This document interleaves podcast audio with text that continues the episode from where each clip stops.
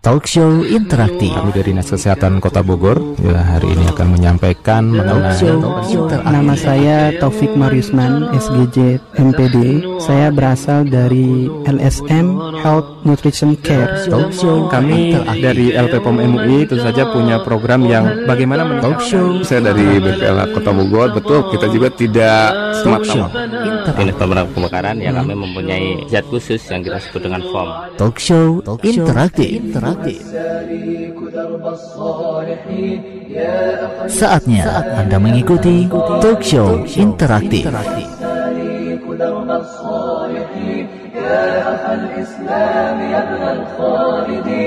قم بنا فالكون مشلول اليقين قم بنا فالأرض أوحال وطين قم بنا فالكون مشلول اليقين قم بنا فالأرض أوحال وطين واحمل الزاد وأنوار اليقين.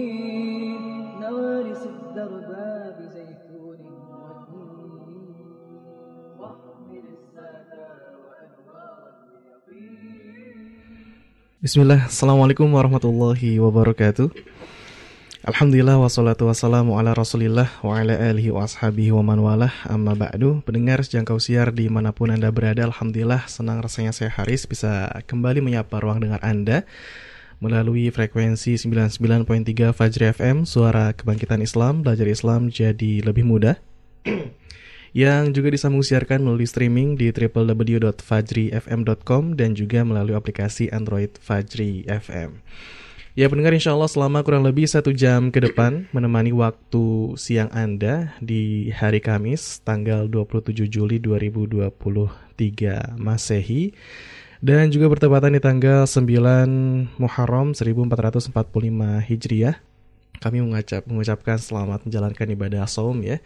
Bagi yang menjalankan saum di tanggal 9 ini puasa Tasu'a dan juga besok ada puasa Asyura yang pahalanya Masya Allah nih menghapuskan dosa satu tahun yang lalu ya semoga Allah berikan kelancaran untuk kita semua amin Baik, insya Allah pendengar sampai dengan jam 11 siang di dalam program talk show interaktif ya, talk show kesehatan bersama Dinas Kesehatan Kota Bogor. Alhamdulillah telah hadir di tengah-tengah kita. Ini seperti biasa sudah menjadi langganan kayaknya ya. Ada Pak Dwi Sutanto SKM, Sarjana Kesehatan Masyarakat, Epidemiolog Kesehatan Dinas Kesehatan Kota Bogor. Baik, Assalamualaikum Pak Dwi. Waalaikumsalam warahmatullahi wabarakatuh, Kang Haris. Apa Kabar sehat? Alhamdulillah. Alhamdulillah kabar sehat ya alhamdulillah. Sehat, ya. Belum ditanya kabar sehat udah bilang alhamdulillah Oh, aja. iya. Udah tahu eh, pertanyaan selanjutnya gitu. Oh gitu. Dan mudah-mudahan pendengar Radio Fajri juga dalam keadaan sehat walafiat ya Pak ya. Iya. Terutama warga Kota Bogor ya dan juga semuanya dalam keadaan sehat walafiat. Insya Allah di kesempatan kali ini kita akan bahas sebuah tema yang tentunya menarik yaitu kenali dan cegah hepatitis. Ini suatu penyakit yang sering kali kita dengar eh, dan mungkin ada di antara kita di sekitar kita yang mengidap penyakit ini dan seperti apa pembahasannya kita akan mengenal ya setelah mengenal dicegah tuh penyakit hepatitis ini dan sekaligus juga ini ada hari hepatitis sedunia yang diperingati tanggal 28 Juli 2023 Insya Allah bertepatan dengan hari Jumat besok ya ini ada sebuah apa moto atau tagline nih Pak segerakan tes dan obati hepatitis tidak menunggu Iya, Wah. itu tema untuk Hari Hepatitis Sedunia yang ke-14. Iya. Ya. Umurnya lebih tuaan saya Oh gitu. Tapi penyakitnya apakah sudah tua? Nah, Iya. nanti kita akan bahas Baik, bersama iya. Pak Dwi ya. Iya. Dan pendengar silakan yang ingin bergabung bisa langsung saja bertanya berkaitan dengan hepatitis ya ke 0811 11 10 993 SMS, WhatsApp ataupun Telegram. Dan juga bisa ke Facebook Radio Fajri di facebook.com garis miring Radio Fajri. Juga bisa ke Instagram at Radio Fajri. Silahkan di mana pun Anda bisa mengirimkan pesan ya. Jangan lupa cantumkan nama Anda. Kemudian juga alamat dan pertanyaan yang ingin Anda sampaikan. Ini insya Allah ada door prize lagi nih. Ada Mushaf Al-Quran dan Mizar minyak zaitun rukiah minyak zaitun rukiah pelopor pertama di Indonesia ukuran 70 ml bagi Anda yang mengirimkan pertanyaan terbaik. Siapa yang memilih pertanyaan terbaik? Insya Allah Pak Dwi. Jadi tidak ada campur tangan radio Ya. pajinya nih. Ini insya Allah langsung pematerinya sendiri yang akan memilih pertanyaan terbaik. Baik dan sudah ada yang bertanya sebenarnya, Oh. tapi kita akan eh, obrol apa namanya akan membuka dulu dengan sebuah prolog, sebuah obrolan dulu ya antara Kang Haris dan juga dan juga Pak Dwi ini Ya. berkaitan dengan hepatitis. Nanti insya Allah di sesi kedua eh, kita akan coba bacakan pertanyaan-pertanyaan dari Anda. Jadi siapkan pertanyaannya, pertanyaan terbaik Anda bisa dari sekarang atau nanti setelah menyimak wah muncul pertanyaan ketika sudah menyimak apa yang disampaikan silakan bisa ke 0811 11 10 993. Nah, Pak Dwi ini kan sesuai dengan tema kita di kesempatan kali ini Ya. kenali dan cegah hepatitis. Berarti Ya. Poin pertama yang harus kita bahas adalah perkenalan. Perkenalan. Nah, mengenalkan sebuah penyakit penyakit ya, apa itu sebenarnya hepatitis Pak Dwi? ya baik Eh, baik para Silakan. pendengar eh, Fajri FM di mana saja anda berada jadi eh, hepatitis ya dari kata dari katanya aja kita sudah lihat kalau penyak ada is, ada, ada is berarti berarti ada suatu peradangan dalam dalam dunia medis. Hepatitis kemudian hepatitis dari dua kata hepar dan eh, titisnya itu adalah peradangan. Jadi peradangan hati hepar itu hati. Jadi adalah peradangan pada organ hati yang disebabkan oleh berbagai eh, sebab ya. Jadi ada penyebab dari bakteri, virus, proses autoimun, obat-obatan, perlemakan, alkohol dan zat berbahaya lainnya. Jadi ketika ada zat-zat yang bisa menyebabkan peradangan di hati, maka fungsi hati itu akan meningkat. Ditandai dengan adanya enzim hati. Kalau eh, kita lakukan pemeriksaan di laboratorium itu agak ada pemeriksaan namanya SGPT, SGOT. Itu adalah eh, untuk melihat eh, peningkatan fungsi hati. Ketika SGPT, SGOT-nya eh, meningkat, berarti ada eh, kenaikan fungsi hati yang disebabkan oleh hal-hal tersebut. Jadi sebenarnya penyebab yang paling banyak adalah infeksi bakteri atau virus ya. Infeksi virus itu paling banyak. Jadi kenapa ada istilah hepatitis A, hepatitis B, hepa- hepatitis C, hepatitis D dan E? Itu dilihat dari jenis virusnya. Kalau hepatitis A itu virus hepatitis A. Hepatitis B itu virus virus hepatitis B, hepatitis C itu virus hepatitis C dan D, D dan E. Tapi yang paling paling banyak muncul itu adalah hepatitis A, B dan C. Nah, penyebab tertingginya itu adalah dari virus. Juga ada penyebab yang lain seperti eh, minum alkohol terlalu banyak, kemudian kalau kita mengkonsumsi o- obat-obatan dalam jangka waktu yang eh, panjang itu juga akan bisa merusak fungsi hati yang akan berakibat adanya peradangan pada hati. Seperti itu, Kang Haris. Iya, Ya. baik. Tadi disebutkan ada hepatitis A, B, C, D. Nah, ini Ada. berdasarkan uh, Jenis virusnya, virusnya. jenis virusnya ya, Iya. Pak ya.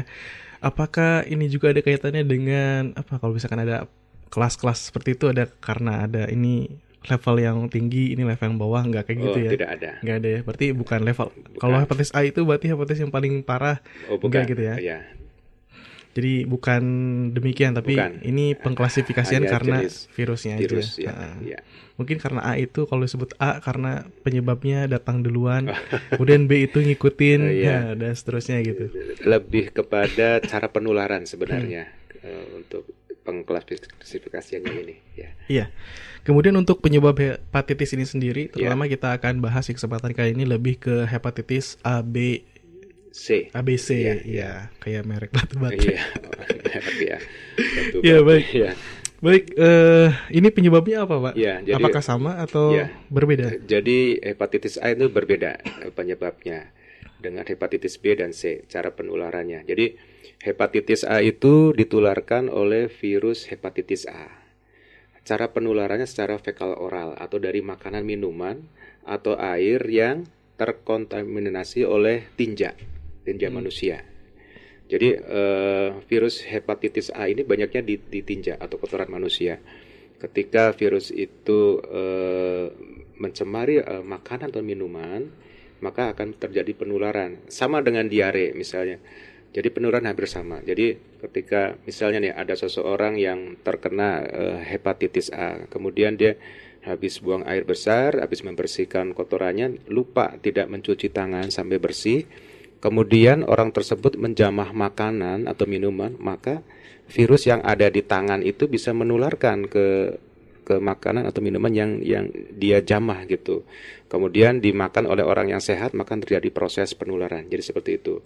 Makanya hepatitis A ini eh, lebih sering menimbulkan kejadian luar biasa ya. Jadi dulu pernah ada salah satu eh, mahasiswa di kampus kemudian di asrama ya karena menggunakan alat makan minum bersama kemudian ada seseorang yang terkena hepatitis A kemudian dia tidak menjaga kebersihan eh, diri dan eh, lingkungan akhirnya terjadi penularan dalam jang, jumlah yang banyak kepada eh, mahasiswa yang lain seperti itu Kang Haris Iya. proses penularannya untuk hepatitis A Kalau hep- hepatitis A lebih ke tinja apa ya kotoran. Iya, Nah, kotoran, kalau ya. yang B itu Nah, kalau hepatitis B itu disebabkan oleh virus hepatitis B atau HBV, hepatitis B virus.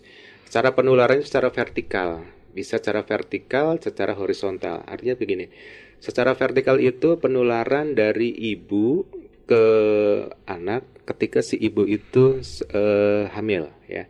Ketika itu ham- ibu ada ibu hamil, kemudian diperiksa status hepatitis B-nya, kemudian ibu hamil itu ternyata positif misalnya reaktif. Nah, ketika proses persalinan ada eh, masa-masa di mana si virus itu bisa menularkan.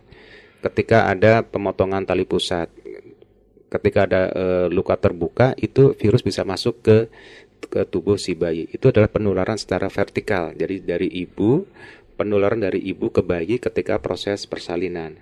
Ada juga penularan secara horizontal, yaitu melalui ca- cairan tubuh dari penderita ke eh, orang lain.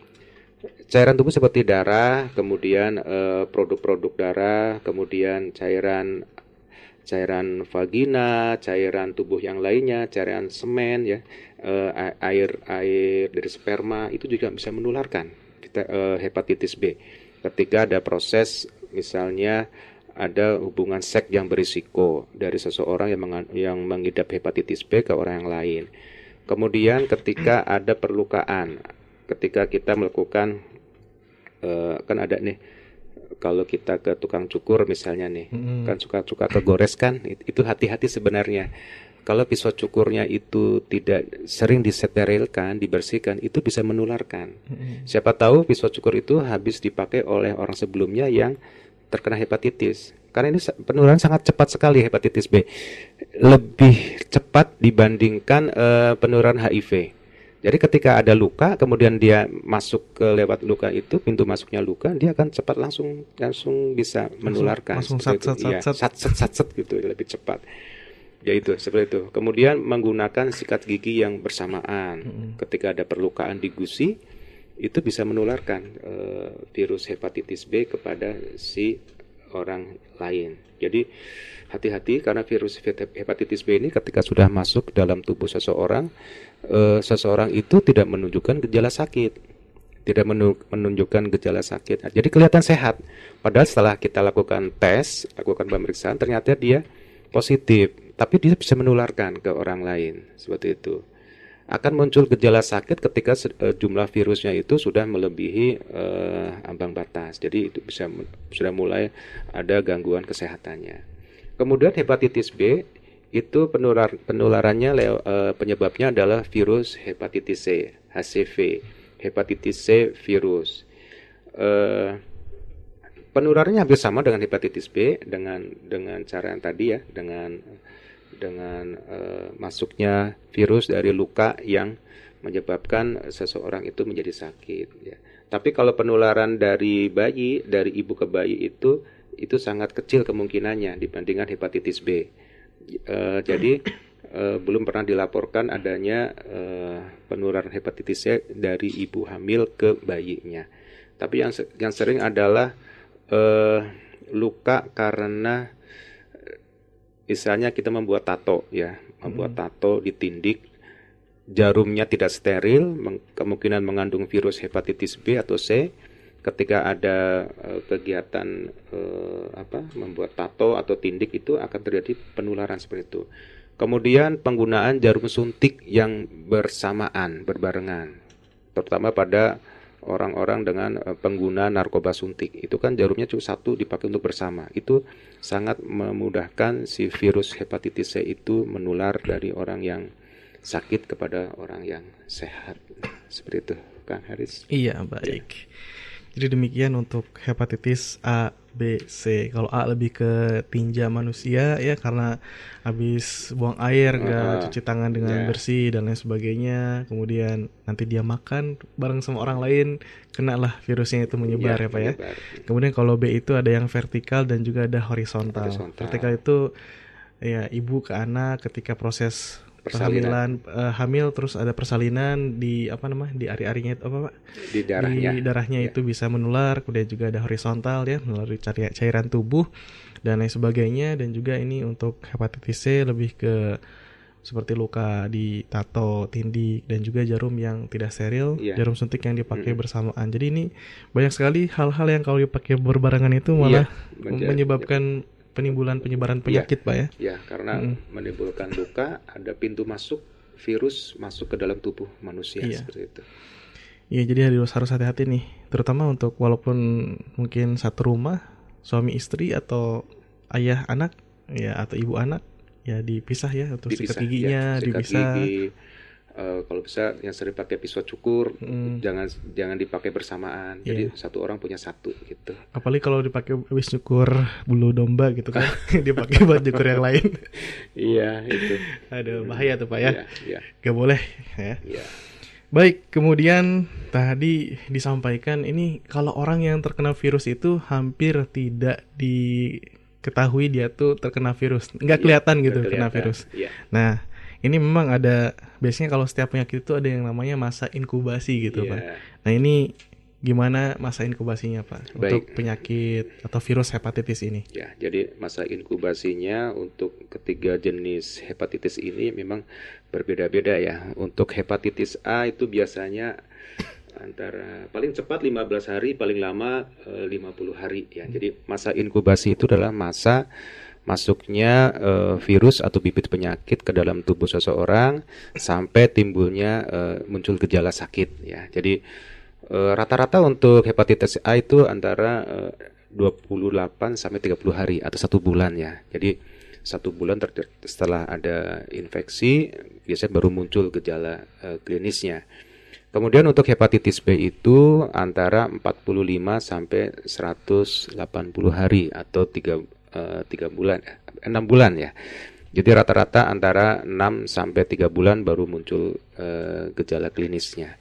Kemudian untuk hepatitis C itu paling cepat 2 minggu sampai 4 bulan. Rata-rata 6 sampai 9 minggu ya. Jadi itu masa inkubasinya dan eh, biasanya kalau hepatitis C ini dia bisa menimbulkan infeksi kronis sampai 20 tahun.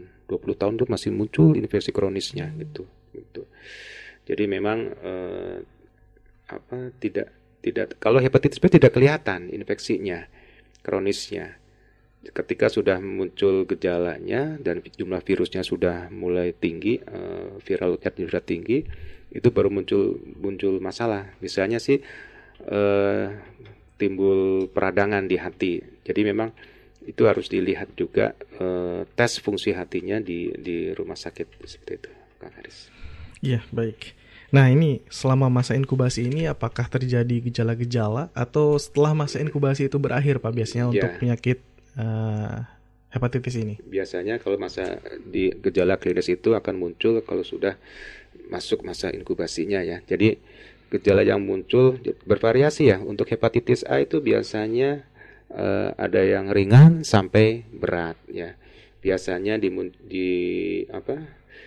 diawali dengan demam ya karena ada infeksi ya pasti ada demam kemudian lemas kurang nafsu makan kemudian mual muntah urin biasanya warnanya eh, kuning, Kuning. ya kuning kemudian eh, ada warna kuning di eh, di mata ya kemudian di di di kulit juga kelihatan kuning ya Hmm. jadi sebenarnya warna kuning itu adalah eh, harusnya itu kan karena fungsi hati itu adalah untuk menghasilkan zat warna empedu ya, yang warna kuning itu.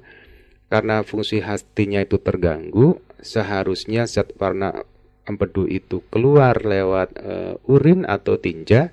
Karena ada gangguan fungsi hati, dia akan uh, keluar di darah gitu. Jadi kelihatan kuning di di ini di permukaan kulit. Hmm harusnya dikeluarkan lewat kotoran jadi ini menyebar di di darah jadi kelihatan kuning.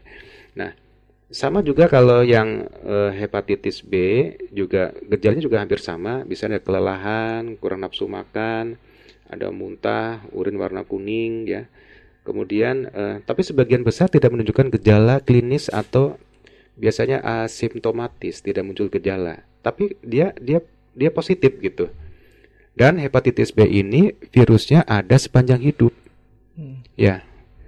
Jadi uh, memang agak agak sulit ini untuk hepatitis B. Sepanjang dia tidak muncul uh, masalah, si orang itu tidak akan muncul muncul gejala gejala klinisnya.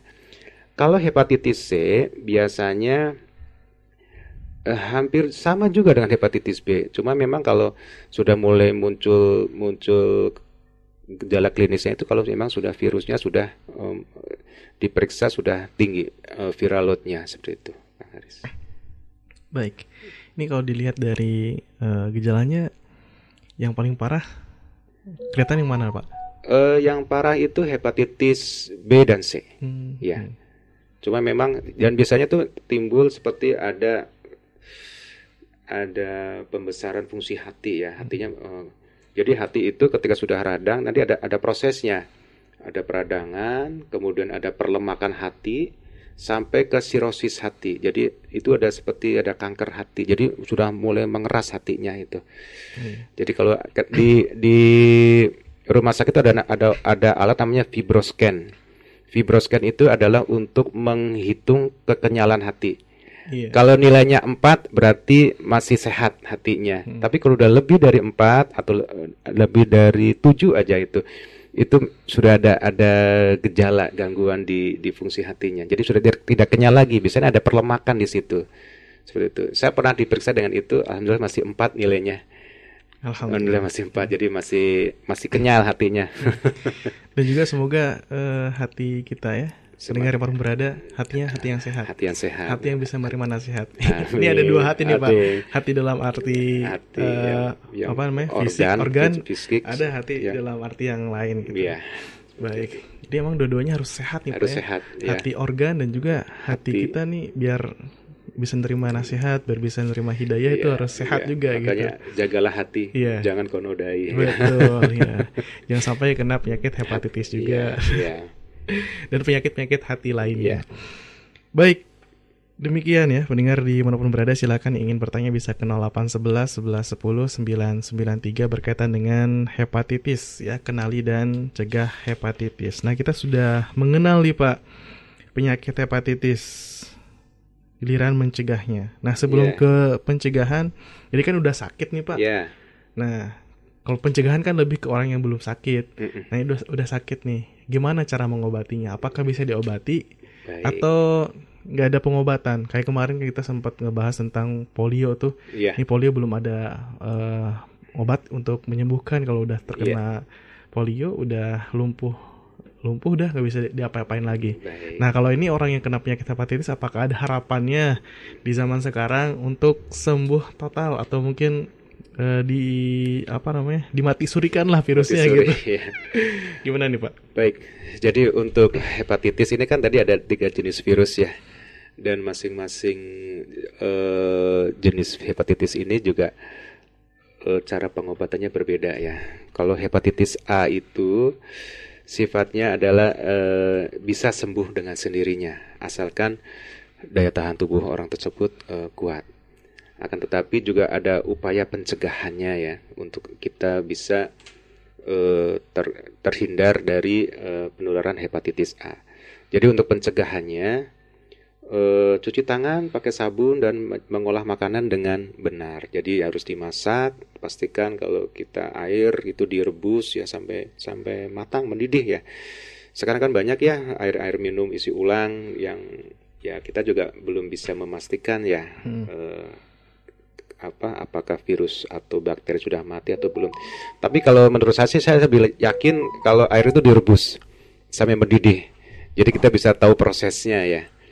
Kemudian eh, kita biasakan buang air besar di jamban yang sehat.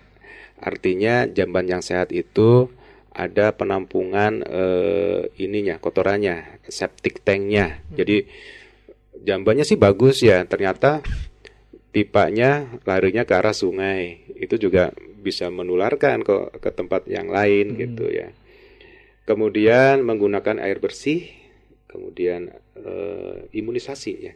Jadi kita tidak pernah lepas dari kata imunisasi karena memang eh, itu bisa mencegah eh, penyakit secara efektif. Dan untuk pengobatannya eh, sampai saat ini untuk hepatitis A dan sifatnya hanya untuk mening- eh, menghilangkan gejala klinisnya saja.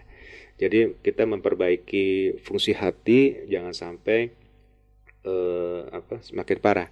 Dulu waktu saya SD, Kang Haris pernah pernah sakit kuning bilangnya orang tua dulu Kuningan. kuning sakit kuning dan eh, ternyata yang saya pelajari itu yang yang mengenai saya itu hepatitis A. Karena memang setelah saya sakit ternyata saudara saya yang satu rumah juga kena gitu. Artinya kan saya tidak bisa menjaga kebersihan gitu.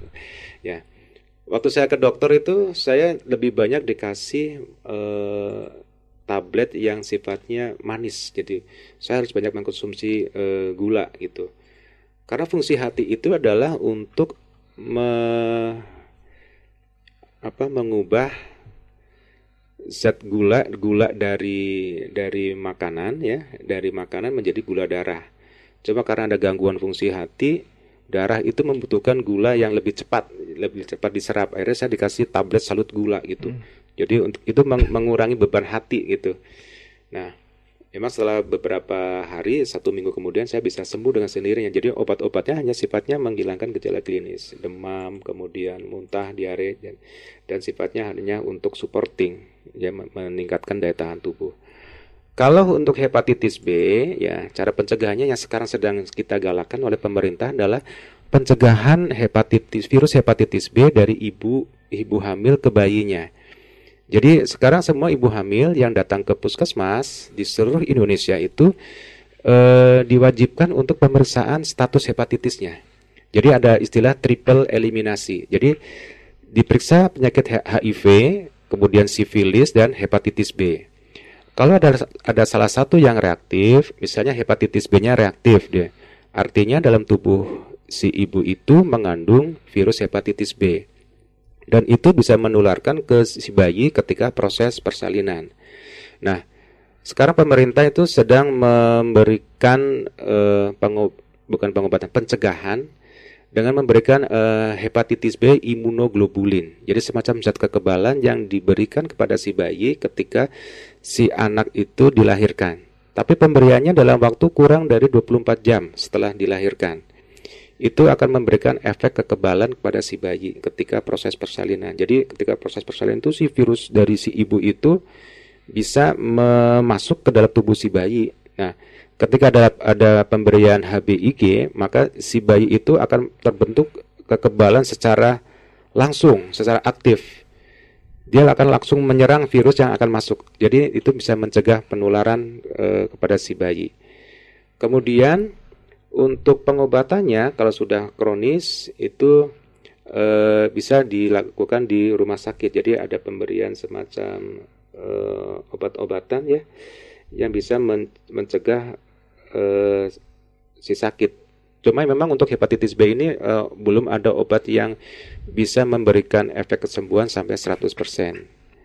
Nah, untuk pencegahannya jadi menghindari faktor risiko yang tadi. Jadi eh, tidak menggunakan jarum suntik ya, yang bersamaan, pisau cukur bersamaan, eh, kemudian Sikat sikat, gigi. gigi, Hmm. ya, kemudian menghindari seks yang berisiko, ya, kemudian meng- eh, tidak menggunakan tato atau tindik itu karena itu adalah eh, hal-hal yang bisa menyebabkan penularan hepatitis B. Nah, untuk hepatitis C itu juga hampir sama cara pencegahannya dengan hepatitis C.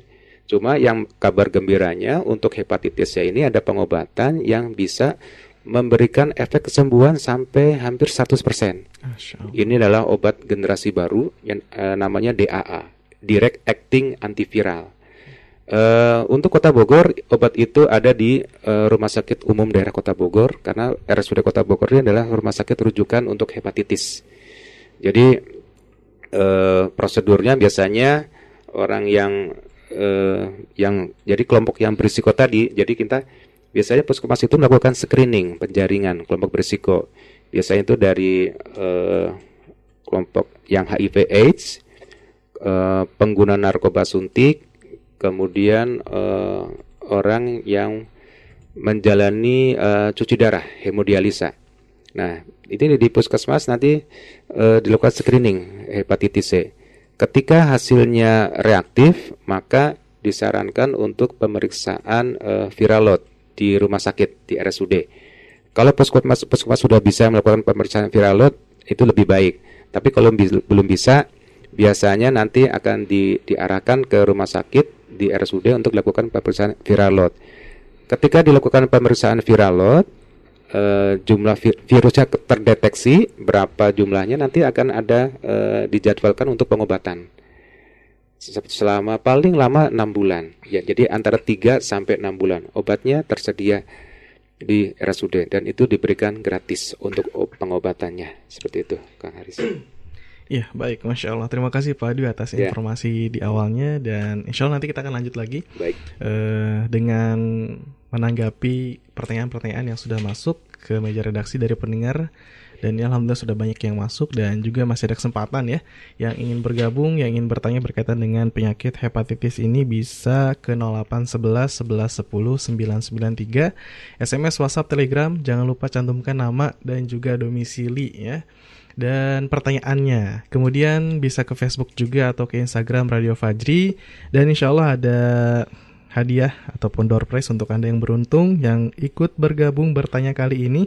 Ada satu mushaf Al-Quran dan juga ada satu buah minyak zaitun rukiah eh, ukuran 70 ml dan silakan Insya Allah kami akan tanggapi pertanyaan Anda setelah jeda berikut. Tetap bersama kami di 99.3 Fajr FM, Suara Kebangkitan Islam.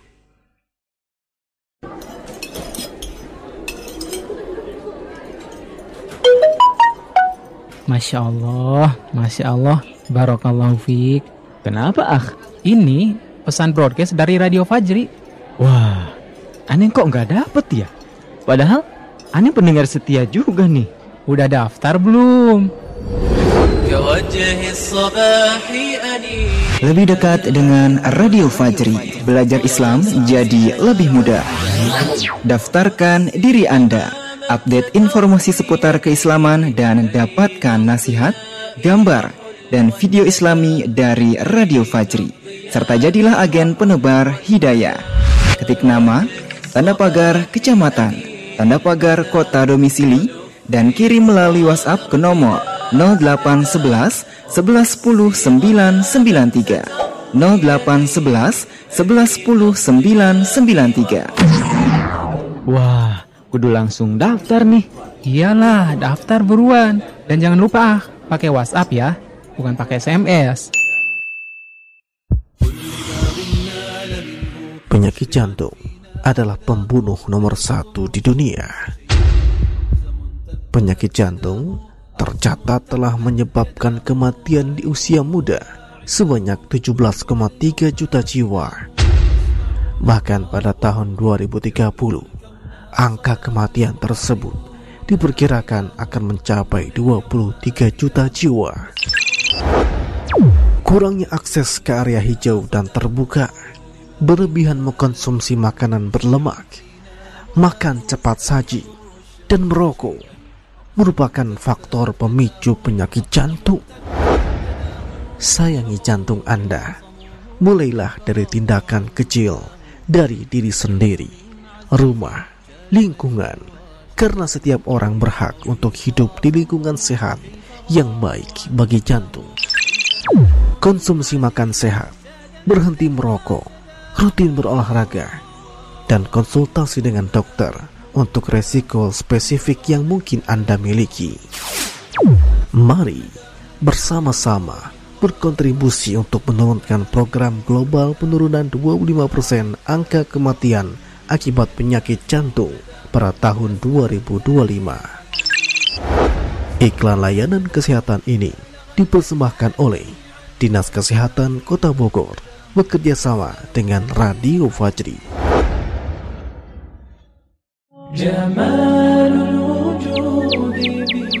Rasulullah Shallallahu Alaihi Wasallam bersabda, konsumsilah minyak zaitun dan gunakanlah sebagai minyak untuk kulit dan rambut, karena sesungguhnya ia berasal dari pohon yang diberkahi. Hadis riwayat Tirmizi dan Ahmad. Telah hadir Mizar minyak zaitun Rukia terbuat dari minyak zaitun pilihan, kualitas terbaik, extra virgin oil serta telah dirukiah oleh para praktisi rukiah syariah. Dengan izin Allah, Mizar bisa membantu mengobati penyakit medis dan non-medis. Alhamdulillah, banyak orang yang telah mengonsumsi Mizar dan telah merasakan khasiatnya.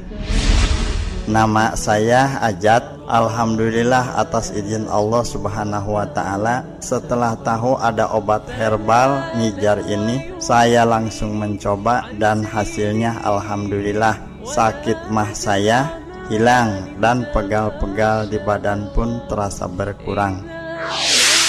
Untuk informasi dan pemesanan bisa menghubungi kami di telepon atau WA 0812 1970 5220 0812 1970 5220 Ayo segera dapatkan Mizar dan sekarang giliran Anda merasakan khasiatnya. Mizar, solusi sehat Islami.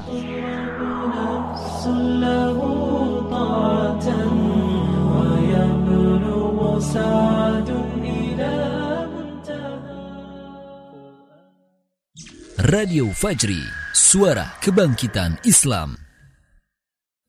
أيها السالك درب الصالحين يا أخ الإسلام يا ابن الخالدين. أيها السالك درب الصالحين يا أخ الإسلام يا ابن الخالدين.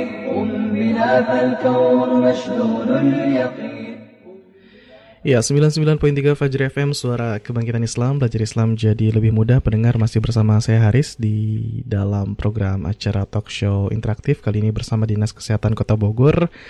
Bersama Pak Dwi Sutanto SKM, Sarjana Kesehatan Masyarakat, ya, Epidemiolog Kesehatan Dinas Kesehatan Kota Bogor. Nah, pendengar di kesempatan kali ini kita masih membahas tentang kenali dan cegah hepatitis. Kenali dan cegah hepatitis di sesi awal tadi sudah banyak hal yang disampaikan, di antaranya berkaitan dengan uh, pengenalan dan juga bagaimana pencegahan penyakit hepatitis. Terutama kita bahas kali ini adalah hepatitis A, B, C ya. Baik Pak Dwi masih semangat ya? Semangat. Semangat, semangat 45, 45 nih. Ya. Ntar lagi bulan Agustus. Agustus. Indonesia sudah mulai tua nih. Sudah menua ya. Iya. Atau menolak tua. Baik ya, walaupun tua kita harus sehat gitu ya. Sehat ya. Baik. Pendengar di mana pun berada kita akan langsung tanggapi pertanyaan yang sudah masuk ke meja redaksi kami dan silakan masih ada kesempatan di 0811 11 10 993 untuk Anda bertanya dan juga di Facebook juga di Instagram Radio Fajri silakan cantumkan nama Anda, alamat dan juga pertanyaannya. Baik, bismillah. Tarik nafas dulu nih. Iya. Nih pertanyaannya banyak banget. Iya, ada berapa? 12 pertanyaan. Uh, belum ditambah yang sudah masuk. Oh, sudah masuk iya. ya. Baik, kita bacakan satu persatu. Ada dari uh, Ibu Suci Roheti. Ini terkait dengan penyakit gula nih Pak. Uh, kita bahas atau skip aja? Uh, bahas aja. Bahas, bahas, bahas aja ya, ya. Tapi tidak sampai mendetail ya. Iya betul. Baik untuk penyakit gula nih Pak. Hmm.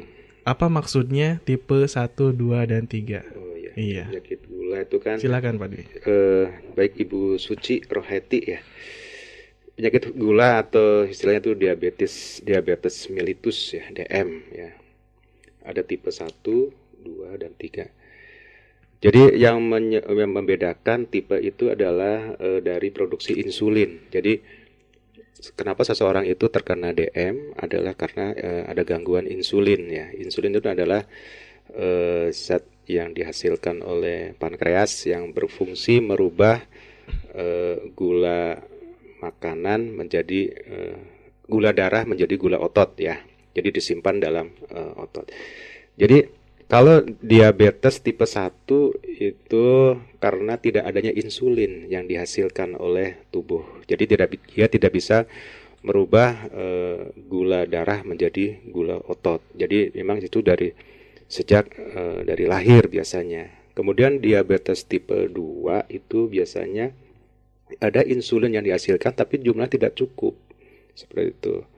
Kalau yang tipe 3 biasanya karena memang penyebab yang lain, misalkan obat-obatan atau zat-zat kimia atau karena penyebab lain yang menyebabkan s- eh, produksi insulin itu terganggu yang akhirnya terjadi penyakit eh, DM.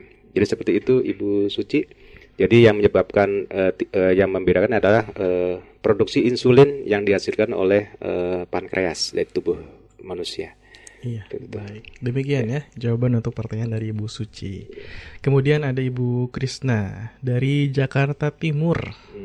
Eh, saya mau menanyakan apa yang menyebabkan seseorang menderita hepatitis dan caranya bagaimana untuk mencegah seperti apa? Mohon penjelasannya. Terima kasih. Baik. mungkin sudah disampaikan tadi Pak ya. Secara ya. singkat saja Ya. diulas kembali. Jadi Silakan. eh, hepatitis itu sebabnya banyak ya. Jadi ada hepatitis yang karena penyebabnya virus dan non virus. Kalau penyebabnya virus tadi hepatitis A, B dan C itu karena virus ya. Virus hepatitis A, virus hepatitis B dan virus hepatitis C.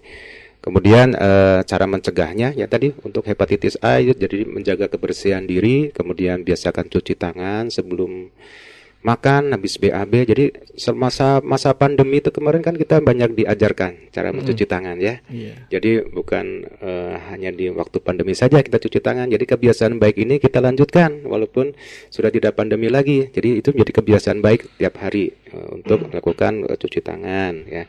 Kemudian mengolah makanan dengan baik, dimasak dengan baik, kemudian air air minum juga kita masak ya, pastikan dimasak dengan air mendidih.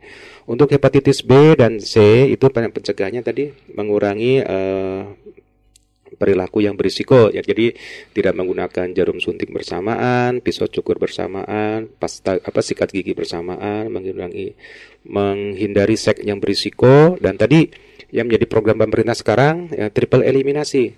Ibu hamil wajib memeriksakan status hepatitis B-nya. Jadi kalau hasilnya reaktif, nanti dari pihak puskesmas akan memberikan eh, imunoglobulin kepada bayinya. Itu untuk mencegah penularan eh, dari ibu ke bayi ketika proses persalinan. Seperti itu. Ibu Krisna di Jatinegara. Iya, baik. Masya Allah demikian ya jawabannya untuk Ibu Krisna. Kemudian ada ini bapak-bapak nih akhirnya Pak Juanda di Penjolaya Bogor. Assalamualaikum, waalaikumsalam warahmatullahi wabarakatuh. Maaf Pak Dwi sebelumnya. Eh, penyakit hepatitis itu seperti apa gejalanya? Kemudian bagaimana solusi pen- penyembuhannya? Seperti zaman sekarang ini banyak sekali penyakit-penyakit aneh katanya. Terima kasih atas pencerahannya Barakallahu fikum. Iya. Baik Pak Juanda di Tenjolaya. Jadi eh, hepatitis itu gejalanya tadi disebutkan biasanya kalau secara secara fisik kelihatan kuning ya, tapi bukan cuma hepatitis saja menunjukkan gejala kuning. Penyakit demam berdarah, penyakit eh, tipes, tifoid juga bisa menunjukkan gejala kuning pada. Tapi memang untuk memastikan bahwa itu adalah hepatitis dengan pemeriksaan laboratorium. Kemudian gejalanya biasanya eh, kurang nafsu makan, ada demam, kurang nafsu makan, kemudian ada kelelahan, ada muntah, mual, urin berwarna kuning ya, air air kencingnya berwarna kuning dan itu biasanya berlangsung sesuai dengan masa inkubasinya, biasanya eh, dua minggu sampai sampai satu bulan untuk hepatitis A ya. Untuk eh, penyembuhannya ya tadi kita eh, ada obat-obatan yang yang menjadi harapan kita adalah hepatitis C. Kita sudah punya pengobatan namanya obat namanya direct acting antiviral. Jadi itu bisa didapatkan untuk wilayah Bogor ada di RSUD Kota Bogor. Itu obat-obatnya sudah ada. Kemudian untuk hepatitis A memang tidak ada penyembuhan uh, khusus, sifatnya hanya menghilangkan gejala klinis dan meningkatkan daya tahan tubuh. Hepatitis A itu bisa sembuh dengan sendirinya asalkan daya tahan tubuh kita uh, se semakin kuat. Kemudian uh, yang lebih banyak kita adalah ke aspek pencegahannya karena kalau sudah mengobati itu akan membutuhkan biaya yang cukup mahal. Jadi kan lebih baik mencegah daripada mengobati ya. Jadi zaman sekarang banyak penyakit aneh. Jadi memang uh, sebenarnya penyakit hepatitis ini sudah lama dari dari dulu ya. Cuma hmm. sekarang pemerintah itu uh, lebih me, apa menggiatkan lagi untuk di screeningnya, di tesnya. Jadi semakin banyak kita menemukan kasusnya, semakin bisa kita untuk memberikan pengobatan. Jadi sebenarnya sih eh, penyakit ini sudah ada dari dulu, cuma istilahnya dulu mungkin penyakit kuning ya orang tahunya. Cuma sekarang masyarakat kita edukasi bahwa penyakit hepatitis ini eh, banyak sekali eh, macamnya. Tadi ada lima jenis hepatitis A, B, C dan E sesuai dengan jenis virusnya. Jadi nanti memang masyarakat kita berikan uh, edukasi bagaimana cara mengenali penyakitnya dan bagaimana cara pencegahannya. Seperti itu Pak Juanda di Tenjolaya Bogor. Iya, baik Masya Allah demikian ya untuk Pak Juanda. Iya. Berikutnya ada dari Ibu Sri Aryani dari Cilincing Jakarta Utara. Ini pertanyaannya bahayakah penyakit hepatitis A, B, C, dan D? Iya. Kemudian untuk bagaimana pengobatan tadi sudah diwakili oleh pertanyaan Ibu Krisna ya, yeah. dan juga pencegahan uh, pertanyaan dari Pak Juanda. Lebih yeah. ke bahaya nggak sih Pak yeah. Pak Dwi uh, penyakit hepatitis A, B, C, dan D ini? Baik, jadi untuk hepatitis A memang dia bisa sembuh dengan sendirinya. Akan tetapi kalau tidak diobati juga akan nanti akan menyebabkan fungsi hati kita akan menjadi rusak. Jadi memang harus segera diobati. Uh, yang bahaya itu yang uh, karena ini yang yang yang B dan C ini. Jadi kalau seseorang misalnya bayi tertular hepatitis B dari si ibunya, maka dia akan ketika dewasa itu dia akan menderita penyakit hepatitis B kronis. Dan itu membutuhkan uh, pengobatan yang lebih panjang pengobatannya. Dan itu membutuhkan biaya lebih banyak. Dan itu makanya dari sekarang ketika si bayi itu sudah memang dilahirkan dari ibu yang positif hepatitis B memang harus segera diberikan imunoglobulin agar dia terhindar. Jadi untuk mencegah mencegah ketika dia dewasa itu uh, menjadi hepatitis B kronis dan itu membutuhkan biaya pengobatan yang cukup cukup panjang. Hmm. Kalau hepatitis C juga sama karena tadi uh, ada proses uh, dari peradangan hati kemudian ada uh, timbul sampai ke sirosis artinya ada e, kanker di hati. Dan itu biasanya akan akan sangat sulit untuk disembuhkan. Apalagi kalau penyakit hepatitis C itu e, disertai dengan penyakit yang lain, misalnya ada HIV, ada TB, itu akan memperberat e, e, apa kondisi si pasien. Pasti akan membutuhkan pengobatan yang yang cukup cukup panjang dan lama untuk pengobatannya. Makanya kita mencegah jangan sampai dia sudah kena hepatitis terkena penyakit yang lain, HIV atau atau TB itu akan akan membutuhkan biaya pengobatan yang yang cukup tinggi dan biasanya kalau sudah seperti itu sudah ada koinfeksi, ada infeksi lanjutan, biasanya Uh, kemungkinan untuk sembuh juga akan semakin kecil seperti itu. I, iya. Uh, Ibu Sri, Sri Aryani, ya Baik, di Jakarta Allah. Utara. Demikian untuk jawabannya ya. Kemudian berikutnya ada Pak Nurholis dari Cipayung, Ciputat, Tangerang Selatan. Pertanyaannya, apakah hepatitis menyebabkan gangguan kesehatan yang lebih buruk? Iya. Ya, demikian Pak Dwi. Yang lebih buruk. Ya, hmm. jadi e, kalau hepatitis, jadi tadi sudah saya sebutkan untuk hepatitis B, kalau seseorang bisa bisa dalam tubuhnya mengandung virus hepatitis B, akan tetapi dia tidak menunjukkan gejala. Kelihatannya sehat, tapi setelah dilakukan pemeriksaan dia positif. Cuma memang ketika jumlah virusnya itu sudah melebihi uh, ambang batas dan mulai menunjukkan gejala-gejala yang bisa mengganggu kesehatan itu akan akan menyebabkan gangguan kesehatan. Sama juga dengan hepatitis C seperti itu. Memang uh, makanya di, di tema Hari Hepatitis Sedunia itu ini uh, kita melakukan tes. Ya segerakan tes karena hepatitis tidak bisa menunggu gitu. Mm -hmm. Jadi memang harus segera ketika ada tes obati uh, bisa menyebab, menye, uh, men, membantu kita untuk memberikan kesembuhan pada penderita seperti itu. Bapak Nurholis. Iya, baik. Demikian ya. ya. Kemudian Ibu Hani dari Depok. Assalamualaikum Waalaikumsalam warahmatullahi wabarakatuh. Ada empat pertanyaan nih. Waduh, empat ya. Uh, mungkin dijawab singkat-singkat aja Pak ya. Yang pertama istilah sakit kuning itu termasuk hepatitis jenis apa? Iya, baik. Jadi uh, sakit jadi semua hepatitis itu menunjukkan gejala kuning ya. Hmm. Karena yang uh, fungsi hati kita itu uh, terganggu oleh tadi oleh virus baik virus, bahan kimia, obat-obatan atau alkohol atau penyebab yang lain. Jadi tadi zat warna kuning itu kan harusnya keluar lewat eh, apa? lewat urin atau tinja. Karena fungsi hati kita terganggu, zat warna kuning itu beredar di dalam darah, jadi kelihatan eh, di permukaan kulit gitu. Jadi kita tidak bisa tidak bisa memastikan jenisnya apa kalau belum diperiksa di laboratorium. Jadi untuk memastikan adalah dengan pemeriksaan di laboratorium. Kemudian, iya. Kemudian yang keduanya, apakah benar, benar atau enggak gitu? Kebanyakan makanan berlemak dapat mengakibatkan hepatitis. Ini iya. banyak makan makanan berlemak. Makanan berlemak, ya. Jadi uh, memang uh, salah satu fungsi hati adalah untuk mengemulsikan lemak. Artinya gini lemak yang ada di makanan itu akan dicerna bi agar bisa diserap oleh tubuh manusia. Jadi dipecah itu eh, apa lemaknya agar lebih mudah dicerna. Kalau lem, eh, kita lebih banyak mengkonsumsi lemak dan fungsi hati kita terganggu, ya kemungkinan akan menyebabkan gangguan fungsi hati yang terjadi adalah eh, hepatitis. Jadi memang kita harus banyak mengurangi. Jadi yang katanya kan kalau yang berlebih-lebihan tidak baik ya Kang Haris ya. Iya, Jadi betul. memang kita konsumsi dalam batas normal, jangan hmm. berlebihan. Jadi akan mengganggu fungsi hati kita gitu. Hmm, baik, itu. demikian ya. Kemudian masih ada dari Ibu Hani yang ketiganya, apakah benar pakaian penderita hepatitis harus dipisahkan ketika dicuci? Nah. Ya, benar. Jadi tadi uh, kita lihat uh, cara penularannya ya. Kalau hepatitis A itu kan lewat fekar oral ya. Barangkali di pakaian itu ada najis atau kotoran ya yang ada virusnya. Kemudian kita pegang dan e, ternyata bisa menularkan itu juga sangat berbahaya. Kemudian mungkin ada cairan tubuh yang lain atau darah di darah itu mengandung e, virus dan itu bisa menyebabkan penularan jadi memang harus dipisahkan dicucinya ya jangan dicampur dengan e, pakaian yang lain jadi usahakan dicuci uh, sampai bersih dan jangan dicampur gitu untuk menghindari penularan. Ya. Baik, demikian benar jadi ya jawabannya. Ya. Kemudian yang terakhir yang keempat nih, apakah benar mitos uh, sakit hepatitis harus banyak minum minuman yang manis. Nah, yeah.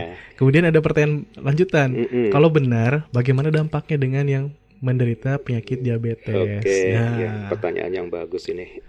Karena ini juga pengalaman saya waktu dulu pernah oh, sakit iya. kuning dia. Hmm. Jadi benar, jadi bu memang bukan mitos. Jadi memang uh, ini adalah salah satu upaya untuk uh, apa pengobatan.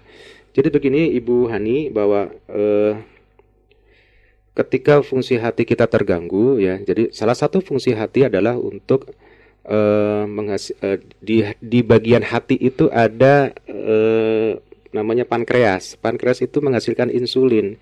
Insulin itu mengubah gula yang ada di apa yang ada di darah menjadi gula otot. Nah, ketika uh, kita ada peradangan hati, maka fungsi hati kita akan uh, makin meningkat nih uh, apa kerjanya.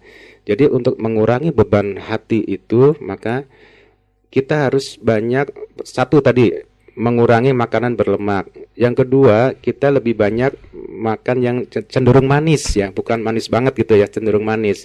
Jadi dulu waktu saya kena penyakit kuning, saya dulu istilahnya masih penyakit kuning, belum kenal itu hepatitis ya. Jadi saya sama dokter itu dianjurkan untuk banyak makan yang manis. Saya dianjurkan untuk makan gula merah gitu. Tapi tidak tidak berlebihan jumlahnya. Karena gula e, makanan dalam bentuk gula itu lebih mudah diserap oleh tubuh kita dibandingkan gula yang ada di makanan, misalnya di nasi gitu. Jadi fungsi hati kita itu akan sedikit berkurang e, bebannya. Jadi langsung bisa dicerna gitu. Jadi selain kita mengkonsumsi gula atau makanan yang cenderung manis, juga saya dikasih obat tablet salut gula. Mm-mm. Jadi tabletnya dihisap gitu.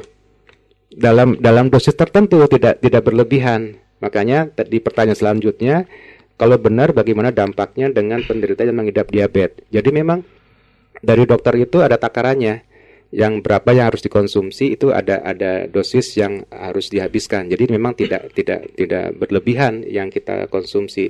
Jadi untuk em, untuk berapa banyak yang harus kita konsumsi sebaiknya sih konsul- konsultasi dengan dokter karena biasanya dokter lebih tahu berapa gram gula yang harus kita konsumsi ketika kita menderita eh, hepatitis ya. Seperti itu Ibu. Baik, demikian ya, Masya Allah. Kemudian ini ada pertanyaan dari Umu Tazkiyah di Cibinong, kemudian ada dari Pak Rukino di Tajur Halang, ada Mama Fitri dari Kranji, ada Ibu Neni Ismaya di Jalan Kayu Manis, Cibinong, Bogor, dan juga ada Ibu Mardiah di Bogor Barat. Ini pertanyaannya serupa, Pak ya. Sudah dibahas di sesi yang pertama dan juga tadi sudah diwakili oleh pertanyaan yang sebelumnya. Kemudian ada pertanyaan dari Ibu Ayu di Kemayoran, Jakarta. Ya, izin bertanya. Diizinkan, Pak ya? Ya, silakan. Perkenalkan, saya Ayu. Ayu. Sewaktu kemarin memasukkan anak ke pondok pesantren, diminta hasil tes hepatitis B-nya. Itu kenapa ya, Pak?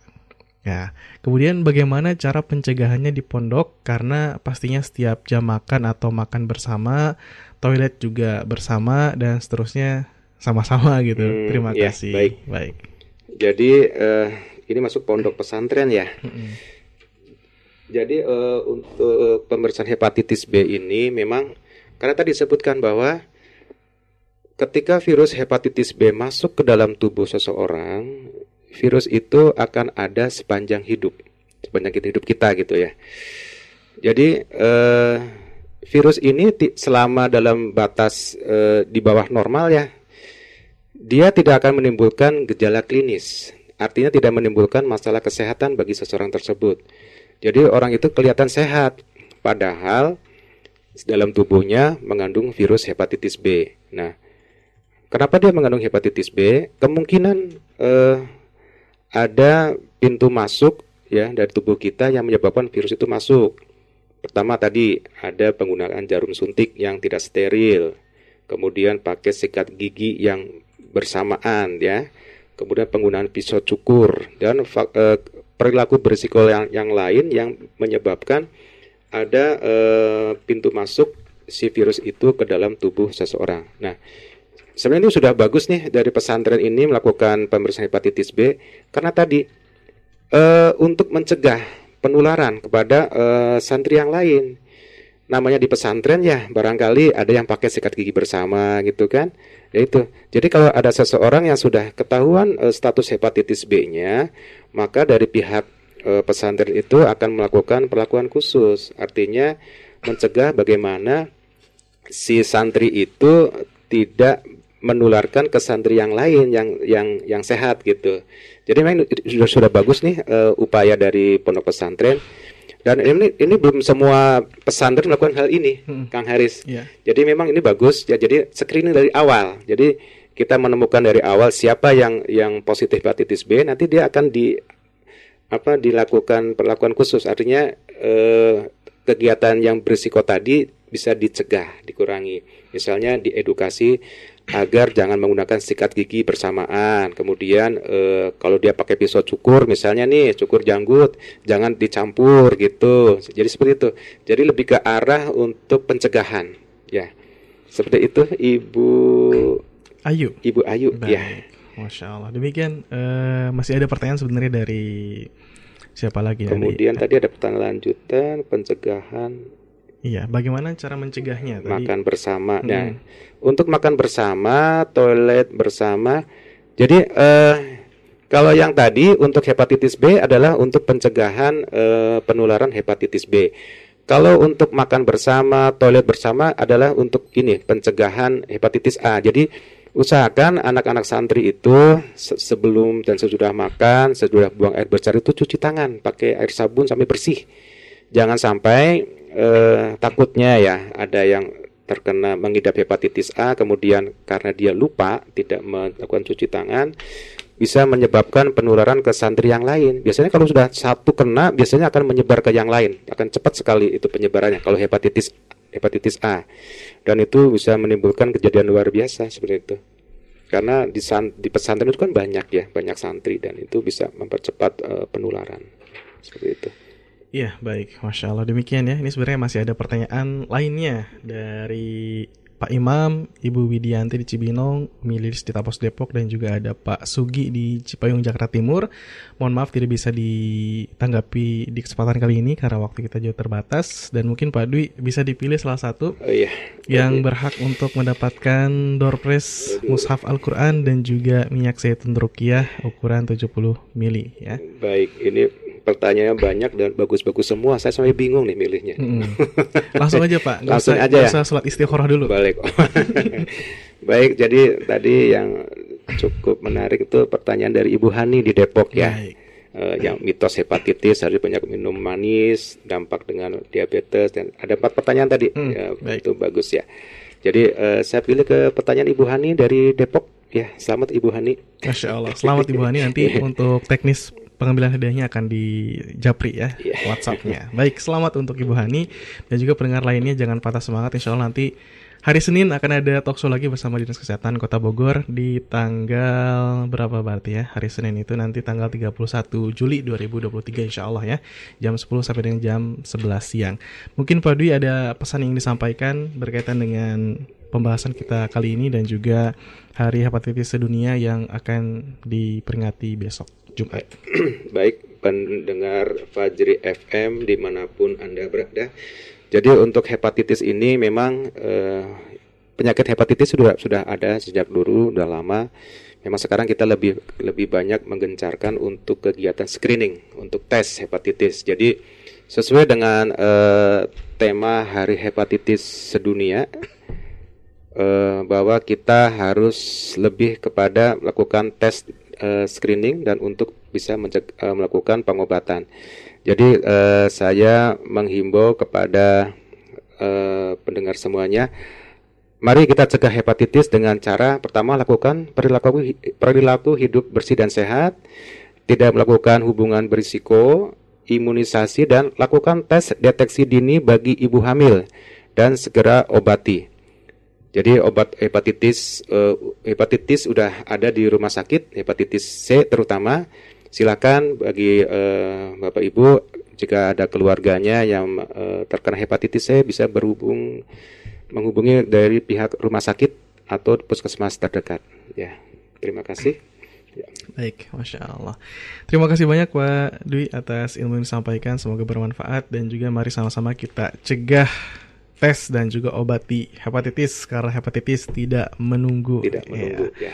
Baik pendengar, terima kasih juga atas kebersamaan Anda dan juga terima kasih atas pertanyaan-pertanyaan yang sudah Anda kirimkan. Semoga bisa bermanfaat dan juga jawabannya bisa memuaskan Anda. Kalau nggak puas, bisa langsung konsultasikan saja ke puskesmas terdekat yeah. ataupun ke rumah sakit terdekat. Insya Allah akan dibantu dan juga akan ditanggulangi uh, ya. Baik, demikian sampai jumpa di edisi mendatang. Akhirnya saya Haris dan juga mewakili Akhi Agung di meja operator pamit undur diri dari ruang dengar Anda. Subhanakallahumma bihamdika asyhadu alla ilaha illa anta astaghfiruka wa atubu. Sampai jumpa di edisi mendatang. Wabillahi taufik wal hidayah. Wassalamualaikum warahmatullahi wabarakatuh. Baru saja Anda menyimak talk show. Terima kasih atas partisipasi dan kebersamaan Anda. يا أخ الإسلام يا ابن الخالدين قم بنا فالكون مشلول اليقين. قم بنا فالأرض أوحال وطين قم بنا فالكون مشلول اليقين. قم بنا فالأرض أوحال وطين واحمل الزاد وأنوار اليقين.